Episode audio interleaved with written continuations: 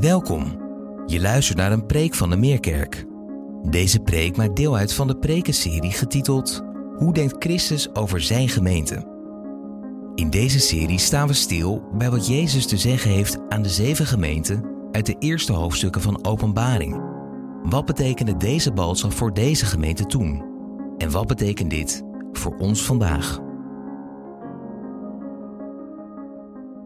Gemeente van onze Heer Jezus Christus. Jullie zijn eh, met een prachtige serie bezig en ik voel me bevoorrecht dat ik daarin eh, mee mag doen.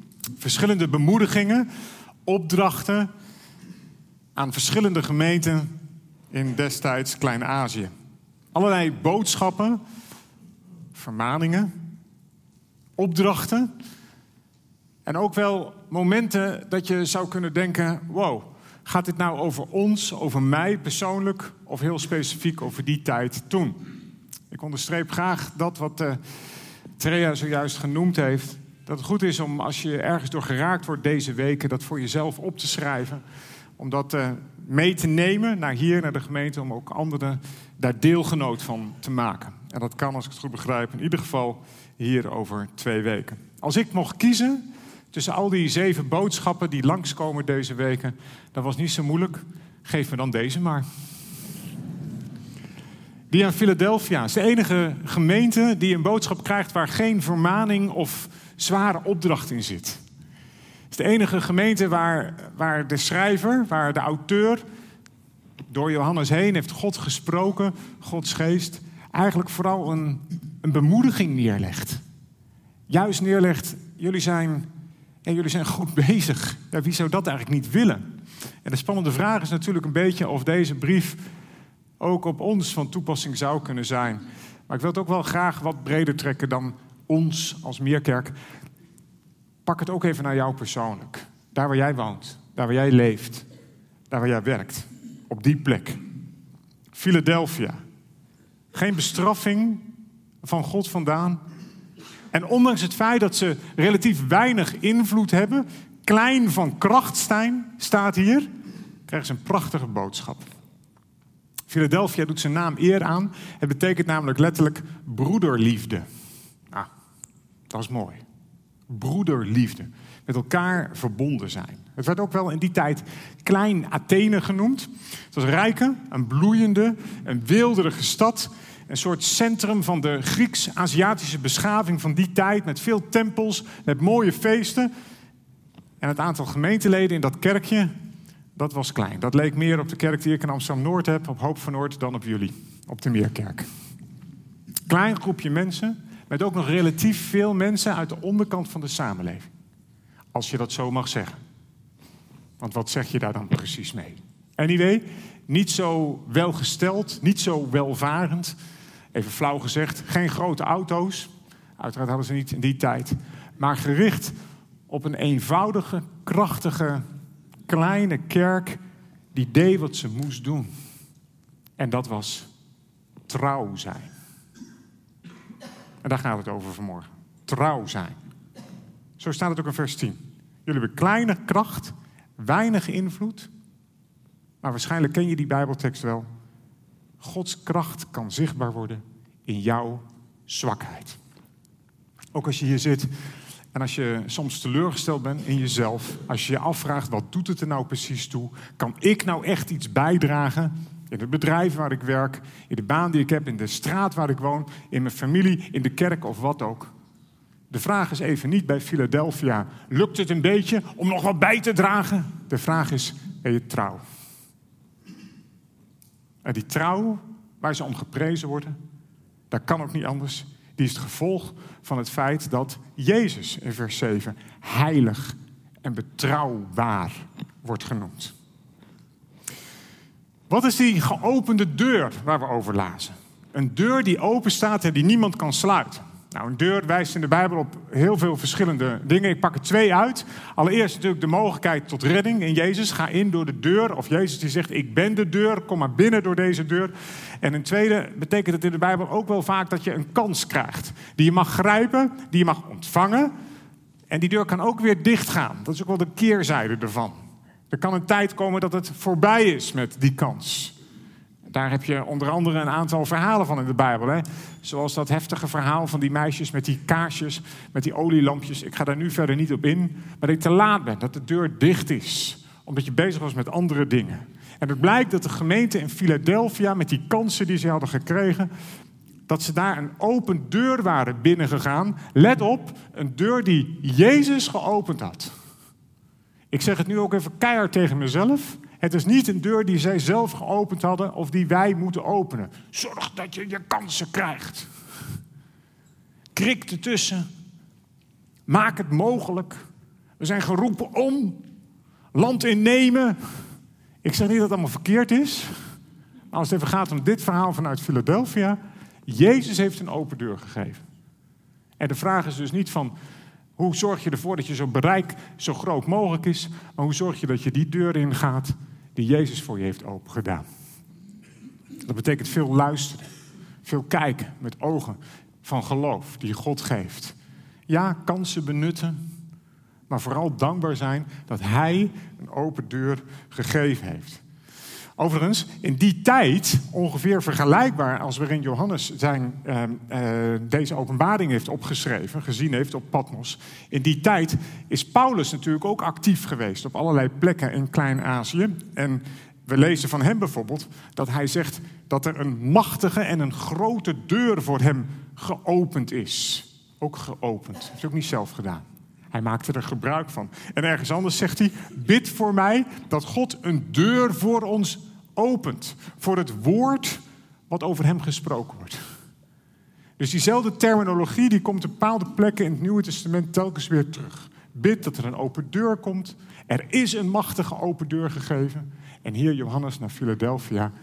God heeft, Jezus heeft iets geopend. En jullie zijn er trouw in. Trouw om daar gebruik van te maken. Weet je nog over de gemeente van Thyatira? Even geleden. Dat was een groep mensen die de profetes Izebel volgden.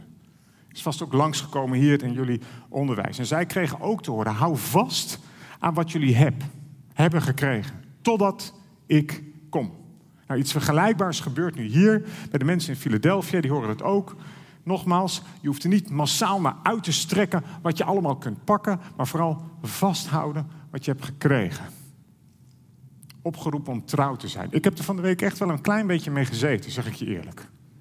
En ik wil hier ook niet zeggen van zo is het of zo is het. Want het heeft ook te maken met hoe je als persoon in elkaar zit, wat je karakter is, waar je als kerk naar uitstrekt. Maar als je nou over de hele linie kijkt hè, in Nederland. Je kunt zeggen van ja, maar er poppen toch ook prachtig nieuwe kerken op, links en rechts, en ook grote kerken. Over de hele linie wordt het op dit moment niet geloviger in Nederland. Zo simpel is het, volgens de aantallen. En is dat dan reden om depressief te worden? Nou, je kunt er teleurgesteld in zijn, je kunt er zorgen over maken. Maar de vraag is of je vervolgens met een heleboel energie en passie het tij moet zien te keren. Nogmaals, ik ga je nu niet zeggen wat wel of niet moet. Maar maar een Bijbelse lijn is ook om te zeggen: wees trouw in wat je doet. En als jij ervoor geroepen bent om ervoor te gaan, ervoor te strijden, ervoor te vechten, als God je geroepen heeft om een prediker te zijn, om evangelist te zijn op jouw plek, om nieuwe gemeenten te stichten, om enzovoort, doe het. Maar er zijn ook mensen die geprezen worden om hun kleine kracht en om hun trouw. Je bent gaan doen wat je deed. En je hebt dat met toewijding en met liefde gedaan. De Bijbel roept ons niet op om opgejaagd ons ding te doen en te zorgen dat er tenminste nog genoeg mensen bereikt zullen worden. Het is belangrijk om even voor jezelf over na te denken. Waar God jou voor roept, waar God de meerkerk voor roept. Het woord van God kan in ieder geval verder. Ook in deze kleine kracht. Want die deur staat open. En misschien ontstond er ook nog wel meer ruimte voor de gemeente in Philadelphia dan wat ze tot op dat moment hadden gezien. Ik ben hier geen voorganger, ik woon ook niet in een hoofddorp of directe omgeving. Dus als ik het probeer even toe te passen in mijn eigen context, moet jij maar kijken wat je daarmee kan. Um, ik, ik, woon in Amsterdam-Noord. Wij hebben 17 jaar geleden zijn we daar gekomen, zijn we begonnen met een gemeente. En we hebben de eerste jaren best wel de nodige tegenstand gehad. Zoals hier in deze boodschap ook over tegenstand gesproken wordt. Allerlei voorbeelden kan ik je ervan noemen. Dat je een sportweek doet op straat met athletes in action. En dat je nadenkt van tevoren, ja, wat gaan we dan doen? Sporten met de kinderen, de tieners. En ja, gaan we dan ook wat uit de Bijbel vertellen? Ja, gaan we ook doen. Oké, maar dan moeten we dat dan op de flyer zetten of juist niet? Nou, weet je, open kaart, zetten we erop. We zetten op de flyer, in de pauze gaan we je mooie verhalen over Jezus vertellen. Nou, je wil niet weten hoeveel kritiek we kregen toen we die flyers verspreid hadden. Oh, onder het mom van... Hallo, hoe, eerlijker kon niet, toch? Het staat, het staat op. Als je niet wil komen, kom je niet. Als je wel wil komen, kom je wel. En, en, en het begin in het stadsdeel, met name de burgerlijke overheid, wat een zoektocht. Scheiding van kerk en staat, jullie, jullie ding, wij ons ding. Het heeft best wel lang geduurd. Maar ik zeg het in alle voorzichtigheid, we zijn trouw gebleven. En God heeft gaandeweg allerlei deuren geopend. En als ik dan twee maanden geleden bij mij in de kerk een stuk of vijftig mensen zitten op een donderdagavond stadsdeelvoorzitter en andere bestuursleden, mensen van de politie, mensen van sociaal welzijn, moskeebestuurders, imams, voorgangers, kerken, het hele eh, groepje bij elkaar om samen te zoeken naar hoe kunnen we Amsterdam-Noord mooier maken, beter maken. En nou, wij werken, wij werken altijd met zo'n, jullie hebben geen kaars hè? Jammer dat jullie geen kaars hebben. Nou, wij hebben, dan, wij hebben zo'n kaars en die steek ik dan aan. Dus dan zeg ik, ja, we zijn vandaag bij elkaar in een kerk ik weet dat jullie er allemaal niet wat mee hebben, of de meeste niet. Er waren ook mensen voor het eerst van hun leven in een kerk.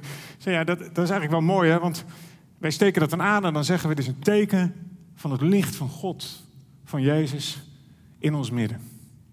Het zit hem niet in die kaars, maar uiteindelijk ervaren we met elkaar het licht van God moeten doen. Want wat is er veel kapot gegaan, toch? In Amsterdam Noord ook. Nou, zitten, al die mensen zitten maar te luisteren. Ja, dat is wel waar. Dan steek ik die kaars aan. Dan ga ik verder niet bidden en zo, want het is gewoon een soort seculiere bijeenkomst. En daarna de tijd, dan komt de stadsdeelvoorzitter en het hoofd van de politie en zo. Die zegt, nou, ik vind het toch zo bijzonder als we dan hier zo samen zijn in zo'n kerk en zo'n kaars die je dan aansteekt. Het lijkt wel alsof het gewoon echt anders is, hè? ja. ja. Open deur gekregen. En als je dat af wilt dwingen, jullie moeten hier, dat gaat niet lukken. Het heeft heel lang geduurd, 17 jaar, vind ik best lang. Veel trouw gevraagd van allerlei mensen.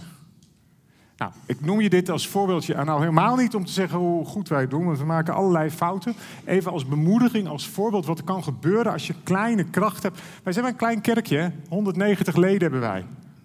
Op 105.000 inwoners. En in Amsterdam-Noord gaan er in totaal nog geen duizend mensen naar een van de negen kerken. Dus dat is, echt heel minimaal. En dan zullen er ook nog vanuit Noord naar een aantal andere misschien zitten. Nou, dat ga ik niet vragen. Of vier mensen uit Amsterdam-Noord. Er zijn natuurlijk mensen uit Amsterdam-Noord die ook nog naar andere kerken gaan. Omdat niet goed genoeg is in de buurt. Oh, oh, oh, oh. Nee, nee, nee. Sorry. Dit had ik niet voorbereid. Vergeet het. Je kunt aanhaken bij alle initiatieven als kerk door de keus te maken om te participeren, om die open deuren te zoeken die God geeft. De mogelijkheden die er zijn en waar je iets kwijt kan van het evangelie. En iets wat mij zelf heel vaak geholpen heeft. Ik ben uiteindelijk in mijn hart en nieren wel een evangelist. Ik wil heel graag het, het zaad van het evangelie verspreiden. Maar soms lukt dat helemaal niet. Mensen zijn er niet open voor. Niet klaar voor. En dan moet ik ontzettend vaak denken aan die geschiedenis van de zaaier waarin er ook zaad terechtkomt op plekken waar stenen liggen en waar onkruid is en waar vogeltjes het zaad wegpikken. En ik weet wel, Jezus heeft die geschiedenis misschien wel vooral verteld om te zeggen: zaai maar. En het komt ook in goede grond. Maar wij zijn ook wel heel vaak als kerk bezig om onkruid te wieden. Om stenen op te ruimen. Vooroordelen die mensen hebben tegen de Bijbel, tegen christenen, tegen de kerk. En dat duurt soms jaren zodat er op een later moment een tijdstip kan komen dat er een beetje normale grond is gekomen waar je wel dat zaad in kwijt kan van het evangelie. Ik kom zelf uit een kerk van oorsprong waar dan altijd juist de nadruk werd gelegd op het andere. Onze taak is alleen zaaien. God moet het doen. Ja, ja, ja. Maar ja, goed, je gaat toch ook niet zomaar in een, veld vol distels en met stenen. Ja, ja we, we zien het wel hoor, wat er opkomt. Beetje meer daarover nadenken mag natuurlijk wel. Hoe kun je, hoe kun je goede grond bereiden? En laat duidelijk zijn, uiteindelijk is het werk van God dat dat zaad gaat ontkiemen. En daar hebben wij als mensen helemaal niks mee van doen. Dat is ook een mooi beeld. Kleine kracht in zo'n zaadje. Het zit erin, in de schepping. God heeft het al gelegd. En dan gaat het bloeien. Dan komt de koren uit. Of een boom, zo groot als maar kan, die vrucht gaat dragen. Kleine kracht. Een geopende deur. En je hebt er gebruik van gemaakt. We gaan nog even terug naar vers 7. Er staat, Jezus die spreekt, hij is heilig en betrouwbaar en hij heeft de sleutel van David.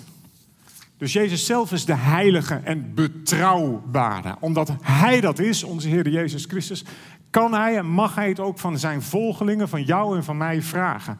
Hij wil het ons geven door zijn geest. Trouw zijn, volharding is een ander woord wat in de Bijbel vaak terugkomt. Al is het maar omdat hij uiteindelijk belooft, een ander gedeelte in de Bijbel, dat dat wat je zult doen, dat je daarvan mag vertrouwen en geloven dat het niet te vergeefs is in de Heer. Dat jij jouw taak hebt gedaan, dat wat God van je vraagt en dat Hij instaat voor de vrucht. Jezus zelf is betrouwbaar. En daarom vraagt Hij van ons trouw te zijn. Philadelphia prijst hij erom. En dan staat er, Hij heeft de sleutel van David. Nou, wat betekent dat? We eventjes naar het Oude Testament. In Jesaja, hoofdstuk 22, vers 22 voor de liefhebber, lezen we over Eliakim. Misschien zegt die naam je wat, en als je niet zo vertrouwt in de Bijbel en niet, dan vergeet je het of je gaat het een keer later lezen. Eliakim was een soort minister van Financiën in de hofhouding van koning Hiskia. Die was koning van Juda. En koning Hiskia had een schatbewaarder. En zoals wij ook een minister van Financiën hadden, die hebben die, die dan uiteindelijk zeg maar, besluit waar het geld wel of niet naartoe gaat. die andere ministeries die moeten allemaal onderhandelen met de minister van Financiën van waar gaat dat geld heen. Zo was Eliakim ook zo iemand. Die voor de hofhouding van koning Hiskia zorgde dat het geld goed verdeeld werd. En over hem wordt in Jezaja gezegd dat hij de sleutel van David had gekregen dat hij de sleutel had om te beslissen wat waar naartoe ging. Ik lees je voor.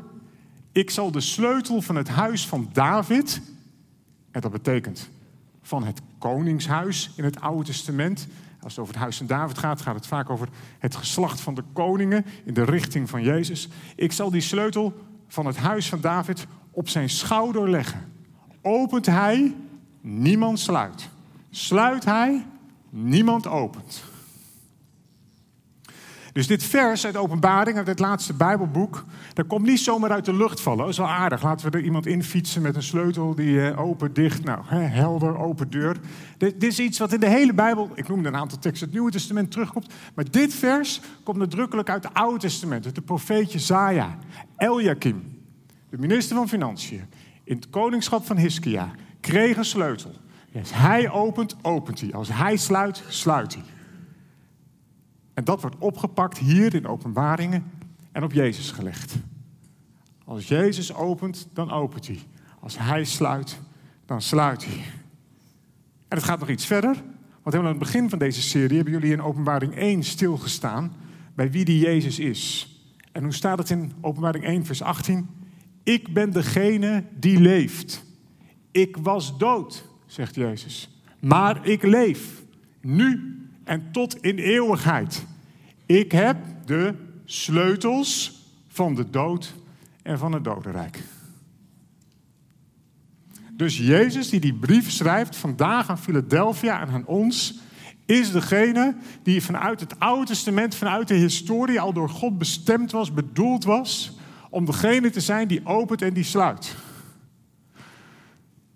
Nou, ja, je kunt hier nu zitten en zeggen, ja, wat heb ik daar verder aan? Uh, heb je een beetje gelijk. Ja, niet heel praktisch direct iets. Het is een beetje theologie. Maar wel een mooie theologie. Theologie die gaat over het feit dat de Bijbel niet zomaar een verzameling losse teksten is... waar je wat mee kan doen, als het past bij je of niet. Het komt ergens vandaan. Het is ergens op gebaseerd. Eliakim in het Oude Testament was al een soort type van Jezus Christus. Die ook opent en sluit. En jongens, als hij opent, daar gaat het hier over, dan opent hij stevig. Dan is er een deur waar je van alles en nog wat doorheen kunt gaan ondernemen. En misschien mag je het ook nog wel iets anders zeggen, dacht ik van de week. Hij opent je ogen. Om te zien wie jij bent, wie ik ben. Om je te laten zien wie hij is. Wat hij voor je gedaan heeft aan een kruis. Hij opent je hart. Daar waar jij het op slot probeert te houden. Door te werken met zijn geest.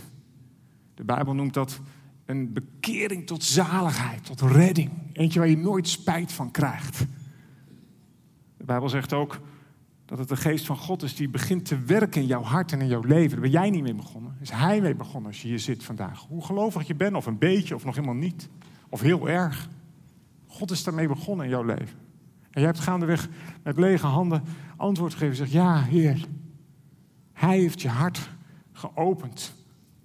En als hij het met jou heeft gedaan, dan kan hij dat ook doen met je ongelovige zoon of dochter. Of met je buurman of je collega, een broer of een zus. Of je ouders. Een goede vriend van je, maat. Wie het zo gunt. En dan is de oproep van vanmorgen misschien wel: blijf jij trouw. Tuurlijk. Bid God maar om de juiste woorden, om de juiste houding naar zo'n ander toe.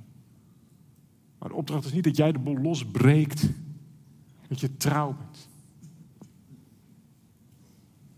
En dat je de open deur die God geeft, gebruikt en ingaat. Nou, er is ook nog een belofte voor de toekomst in dit gedeelte naar Philadelphia. Jezus zegt, er zullen mensen komen. Hij noemt hen zelfs mensen van Satan. Ze zeggen dat ze Joden zijn, best wel een stevig iets. Leugenaars die zich Joden noemen en het niet zijn. En wat staat er dan? Zij zullen zich aan uw voeten neerwerpen en erkennen dat ik u lief heb. Ze werpen zich niet aan je voeten, mensen van Philadelphia, en komen tot bekering. Dat hoop je misschien, ik wel. Maar ze erkennen dat ik jullie lief heb. Dat staat in verhouding met die trouw.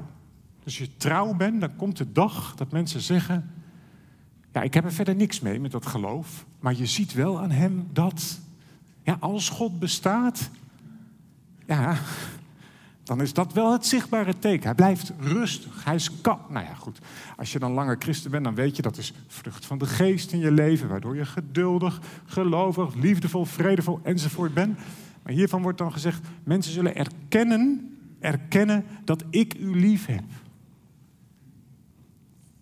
Dat is een mooie belofte. Dat God zegt, ze zullen naar je toe komen op een dag en beleiden dat jij iets hebt wat ze zelf niet hebben.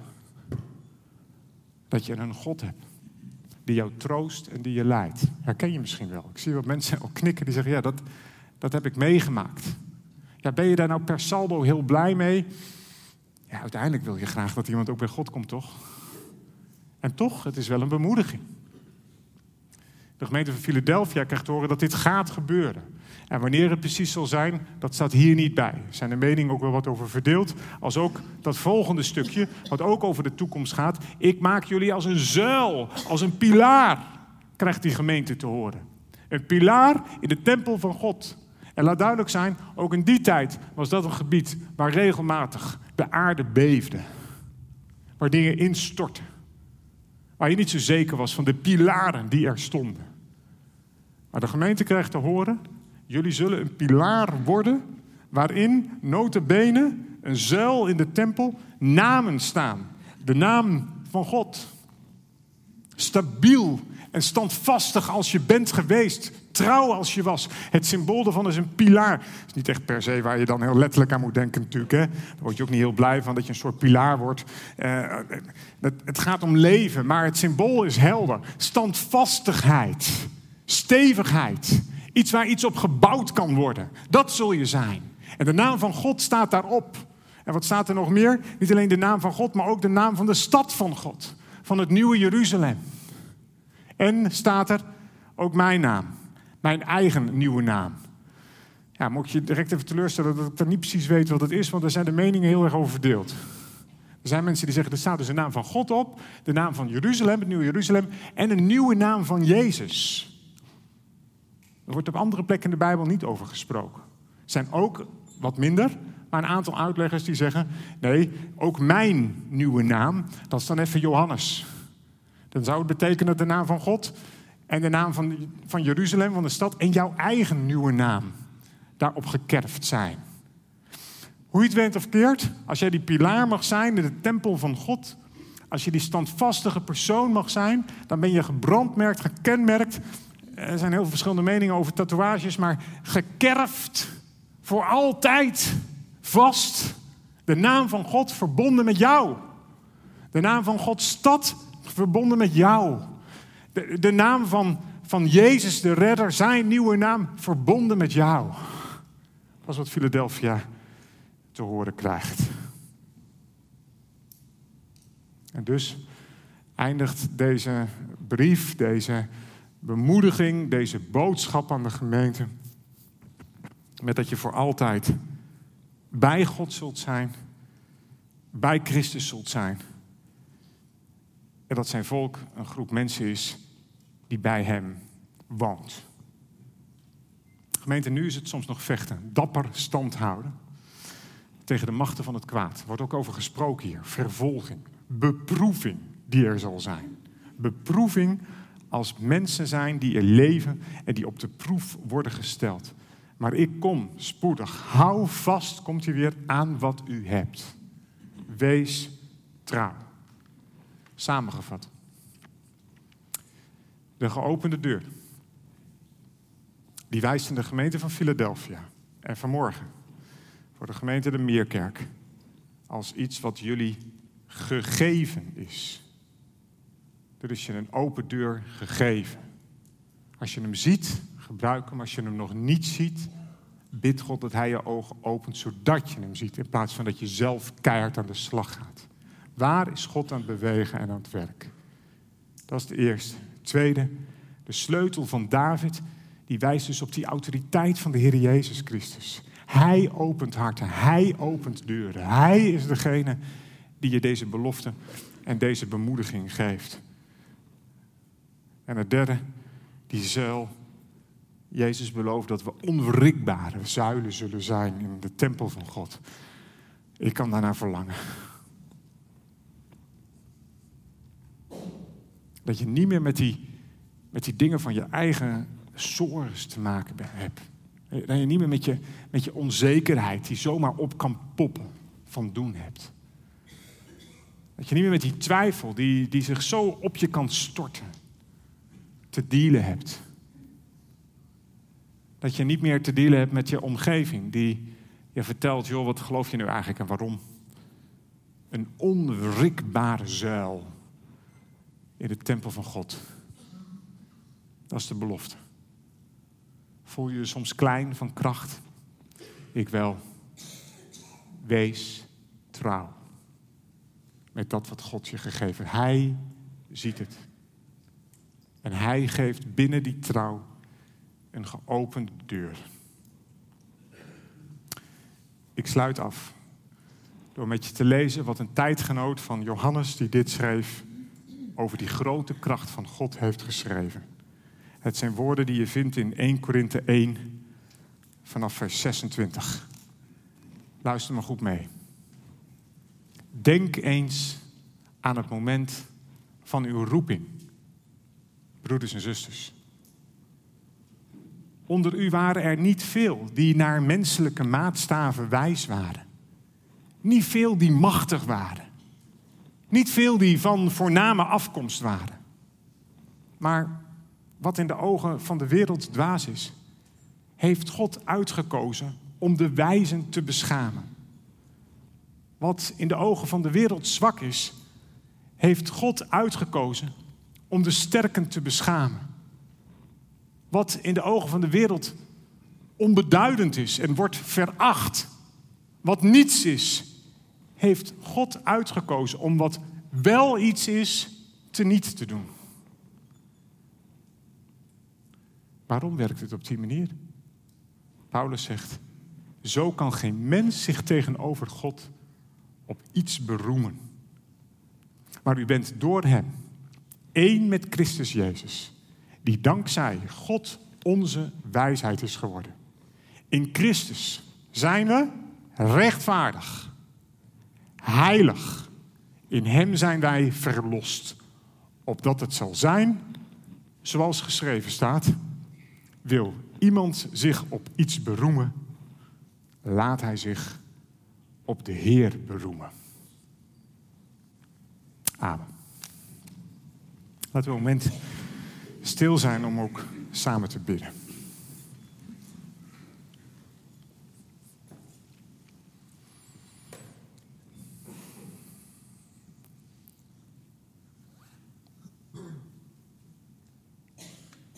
Trouwe God, het is saldo eigenlijk ongelooflijk wat u over ons mensen zegt. We zitten hier met honderden personen en anderen kijken mee.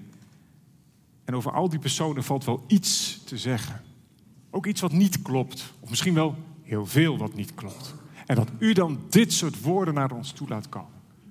Dat u naar ons kijkt als heilig, als rechtvaardig. Zoals Paulus dat net noemde.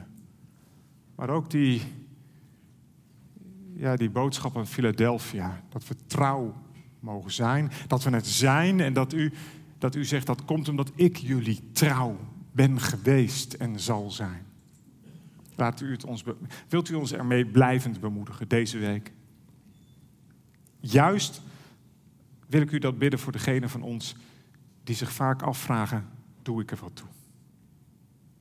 Wat kan ik nu? Wilt u een bijzonder hen bemoedigen? En ik wil u ook het beetje gevaarlijke gebed bidden voor degenen die hier zijn, voor mijzelf, voor ieder van ons die denken: nou, gaat wel. Het lukt best aardig allemaal. Aan de slag. Heer, als we aan de slag zijn voor u, zegent u het alstublieft. Maar als we vooral bezig zijn voor u, in plaats van vanuit u, wilt u ons dan maar op ons nummer zetten. Zodat ook over ons gezegd kan worden. Hij is misschien klein van kracht, maar trouw geweest. En daardoor meer dan overwinnaar. Dank voor deze prachtige brief. Dank dat u de sleutels hebt van leven en van dood. Dat ze u gegeven zijn, Jezus. Dat u genadig bent, dat u liefdevol bent. Dat u niets liever wilt dan dat mensen bij u terechtkomen. Wat een heerlijke bemoediging voor ons allen om erop uit te gaan en op onze eigen plek getuigen van u te zijn. Ik wil je graag de gelegenheid geven om in de stilte van je hart dat tegen God te zeggen wat jij op grond van deze preek tegen hem wil zeggen.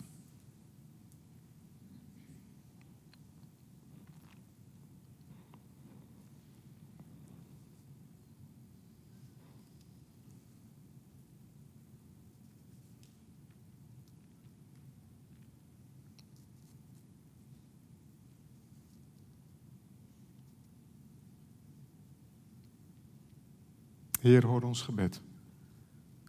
En zegent u de Meerkerk alstublieft. En al die andere kerken op hun eigen plek. In de naam van Jezus. Amen.